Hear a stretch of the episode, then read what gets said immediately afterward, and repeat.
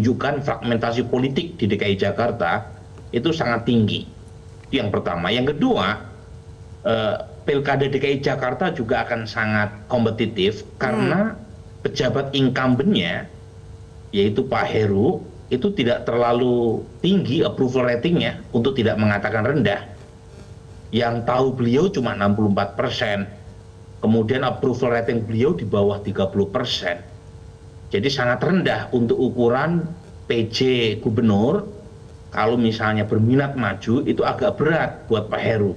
Dan karena sangat rendah maka ada peluang buat calon lain untuk menyalip di tikungan. Dan terakhir adalah eh, Mas Anies kalau misalnya kalah dalam pilpres 2024 kemungkinan maju tetapi dukungan Mas Anies itu hanya di dua kota terutama ya di Jaktim dan Jaksel. Ya. Artinya nama-nama lain masih ada peluang untuk Ya. menyalip di tikungan. Baik, eh, Pak Burhan kita mau mengerucutkan dua nama, ada Ahmad Syahroni dan juga Ridwan Kamil. Ahmad Syahroni dikatakan eh, putra daerah dan tinggal di Jakarta begitu ya, punya rekam jejak juga di DPR. Sementara Ridwan Kamil ini popularitasnya sudah cukup tinggi dan punya rekam jejak di pemerintahan. Nah, seperti apa Anda melihat keduanya ini? Ya dari survei kami eh, jika Mas Anies di take out dari simulasi itu yang masih tinggi tertinggi adalah Ahok ya 28,7 persen. Jadi Ahok masih punya basis loyalis di DKI Jakarta terutama di Jakarta Barat dan Jakarta Utara. Nah peringkat kedua itu Ridwan Kamil 21,7 persen. Ketiga adalah Sandiaga Uno 13,3 persen. Keempat adalah Sahroni 9,3 persen. Kemudian ada AHY di peringkat kelima 6,8 persen, ada Susi Pujiastuti 3,3 persen, Risma 2,1 persen, dan nama-nama lain di bawah 3 persen. Jadi memang Sahroni ini cukup kompetitif, Ya. eh, meskipun belum pernah menjabat di eh, di, di lembaga eksekutif, beliau mendapatkan kisaran 9,3 persen, mengalahkan banyak nama-nama besar yang lain, bukan hal yang mudah eh, buat seorang Sahroni ya untuk muncul di eh, top 4. Tentu eh, selisih dengan Ridwan Kamil agak lumayan sekitar 11 persen, tetapi jangan lupa Ahmad Sahroni ini tingkat kedikenalannya masih rendah, baru kisaran 55-an persen. Sementara Ridwan Kamil karena mantan gubernur Jawa Barat dan pernah digadang-gadang sebagai bakal calon wakil presiden, tingkat kedikenalannya sudah tinggi. Itu pun elektabilitasnya eh, masih within reach ya. Kalau misalnya Bang Roni ingin mengejar ketertinggalannya dengan eh, Bang Ridwan Kamil. Tapi intinya kira-kira tidak ada nama yang dominan. Kan Ahok kalau misalnya disimulasikan secara lebih mengerucut, itu nama Ahok itu tidak bertambah suaranya. Baik. Jadi sepertinya memang dia punya loyalis, tetapi Aha. loyalisnya itu ya sekitar itu saja, tidak Jadi tidak nama bertambah Ahok hingga dan. Anies masih terus menguat ya, eh, Pak Burhan. Tapi dari hasil pilpres ini bisa mempengaruhikah komposisi koalisi di Pilgub DKI Jakarta? Eh, sa- tentu sangat tergantung oleh peta di lokal maupun elektabilitas ya, karena sering kali eh, apa yang terjadi di tingkat nasional tidak serta merta linear dengan di tingkat lokal. Jadi koalisi di pilpres tidak serta merta akan dilanjutkan koalisi di tingkat eh, lokal, karena jangan lupa eh, Anies mungkin punya kepentingan elektoral sendiri kalau misalnya eh, gagal terpilih sebagai capres untuk kembali terpilih sebagai gubernur DKI Jakarta karena masih memungkinkan. Sementara Nasdem tentu punya jago sendiri. Ya. Ya. Eh, dan kalau mis- belum termasuk PKS. PKS ini partai pemenang di DKI Jakarta. Tentu ada motivasi untuk mencalonkan kader sendiri, misalnya Mardani Alisera misalnya. Ya. Cuma memang PKS ini problemnya adalah kadernya tidak kompetitif. Jadi untuk mengusung Mas Anies masih terbuka. Karena tadi tidak ada calon gubernur yang kompetitif. Nama-nama dari internal PKS yang kita uji, itu elektabilitasnya kisaran satu persen. Sementara Nasdem kan agak beda ya. Nasdem punya calon yang relatif kompetitif, Ya. eh, yaitu Sahroni. Jadi kalau misalnya mencalonkan kader atau tokoh lain di luar dari Nasdem, tentu harus ada pembicaraan yang lebih panjang. Baik, uh, Pak Burhan ada nama-nama tadi yang Anda katakan cukup kompetitif di antaranya Ahmad Syahroni. Namun ini kenapa belum terdengar begitu uh, dominan ya? Apakah karena status ibu kota Jakarta yang akan dicabut? Sebenarnya sudah rame ya. Jadi meskipun status DKI Jakarta tidak lagi sebagai ibu kota negara, tapi jangan lupa semua resources, kemudian pusat media, pusat komersial, pusat perdagangan itu ada di Jakarta. Ya, GDP Indonesia itu sebagian besar disumbang oleh Jakarta.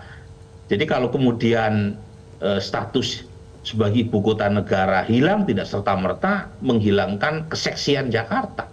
Mm-hmm. Dan itu yang menjelaskan mengapa baliho Ridwan Kamil OTW yeah. ke iya. Jakarta nih itu langsung memantik viral di media sosial dan memantik diskusi di Metro TV. Karena memang seksi Jakarta itu. Dan karena keseksian itu pula, meskipun tidak lagi sebagai ibu kota, masyarakat okay. akan terus menanti siapa orang nomor satu di provinsi ini.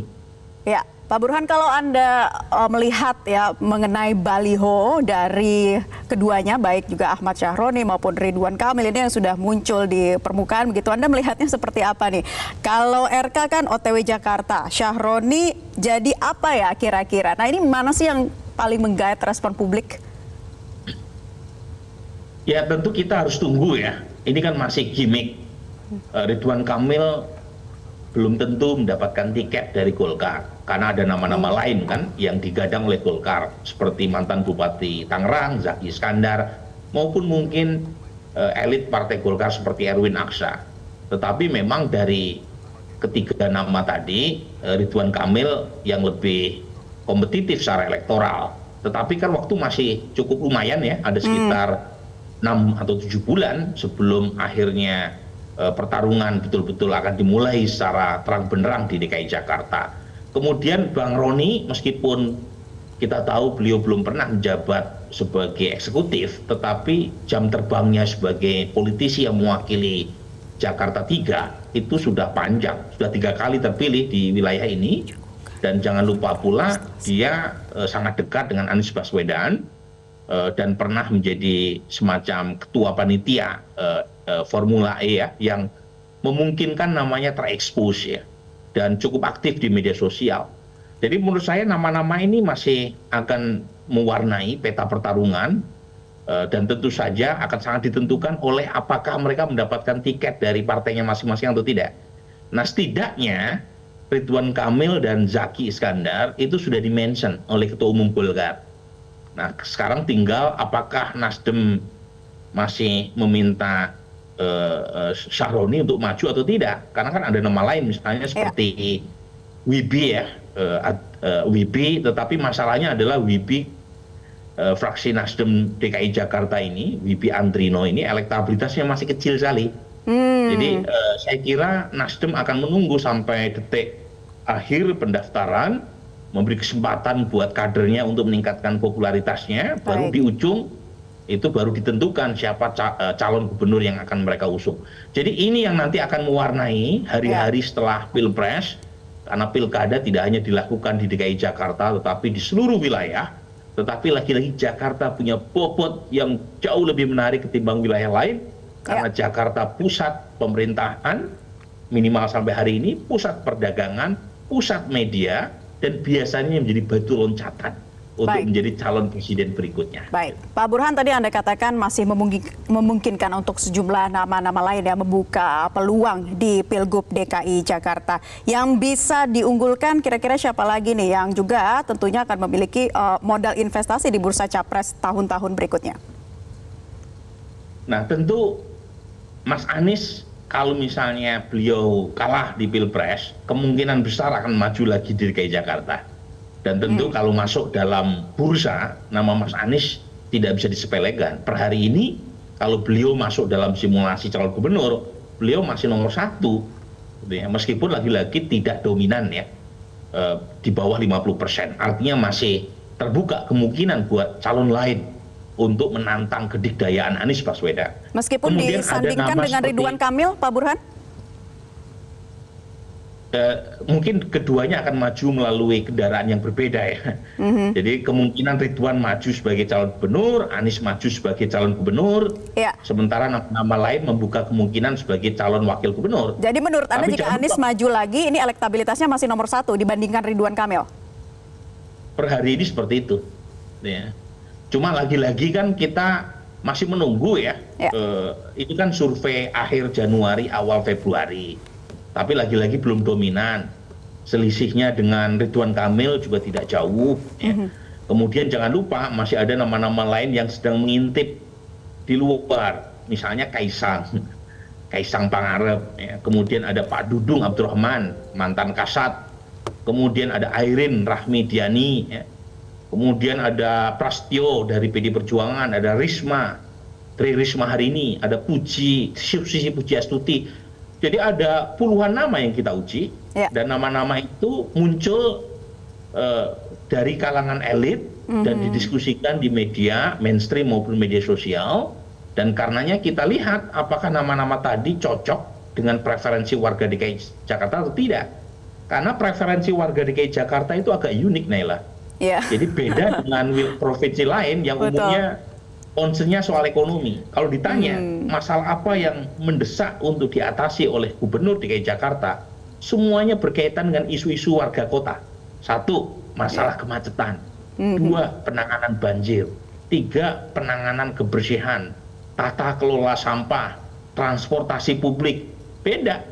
Hmm. Kalau warga provinsi lain kan yang paling atas biasanya sembako, menciptakan yeah. lapangan pekerjaan. Di DKI Jakarta unik ya narasinya. Jadi perlu pendekatan khusus, Betul. terutama buat mereka ya yang yeah, masih yeah. pengen muncul sebagai calon kuat uh, gubernur DKI Jakarta.